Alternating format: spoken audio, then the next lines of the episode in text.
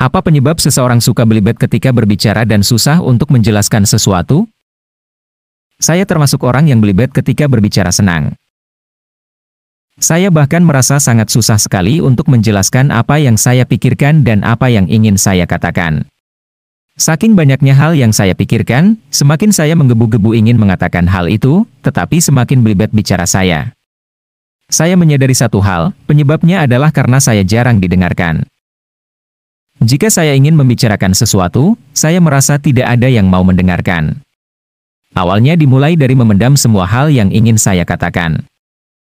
Karena saya tidak pernah didengarkan, saya tidak tahu bagaimana rasanya didengarkan. Saya terlalu sibuk mendengarkan orang lain sampai saya menyadari bahwa saya sangat jarang didengarkan. Padahal banyak sekali hal yang ingin saya sampaikan. Saya hanya butuh pendengar yang baik dan tertarik dengan apa yang saya sampaikan.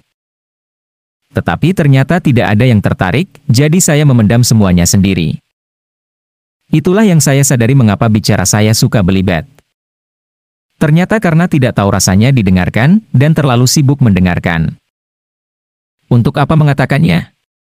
Orang lain juga tidak akan mendengarkannya. Itu kata yang sering keluar di pikiran saya ketika ingin mengatakan sesuatu. Karena saya tidak pernah didengarkan, maka semakin jarang pula saya berbicara, Itulah kenapa ketika ada yang mau mendengarkan saya dan banyaknya hal yang saya pikirkan, sekalinya berbicara saat saya sampaikan selalu belibet. Karena tidak terbiasa berbicara, hal yang ingin saya sampaikan jadi tidak terstruktur. Kira-kira begitu.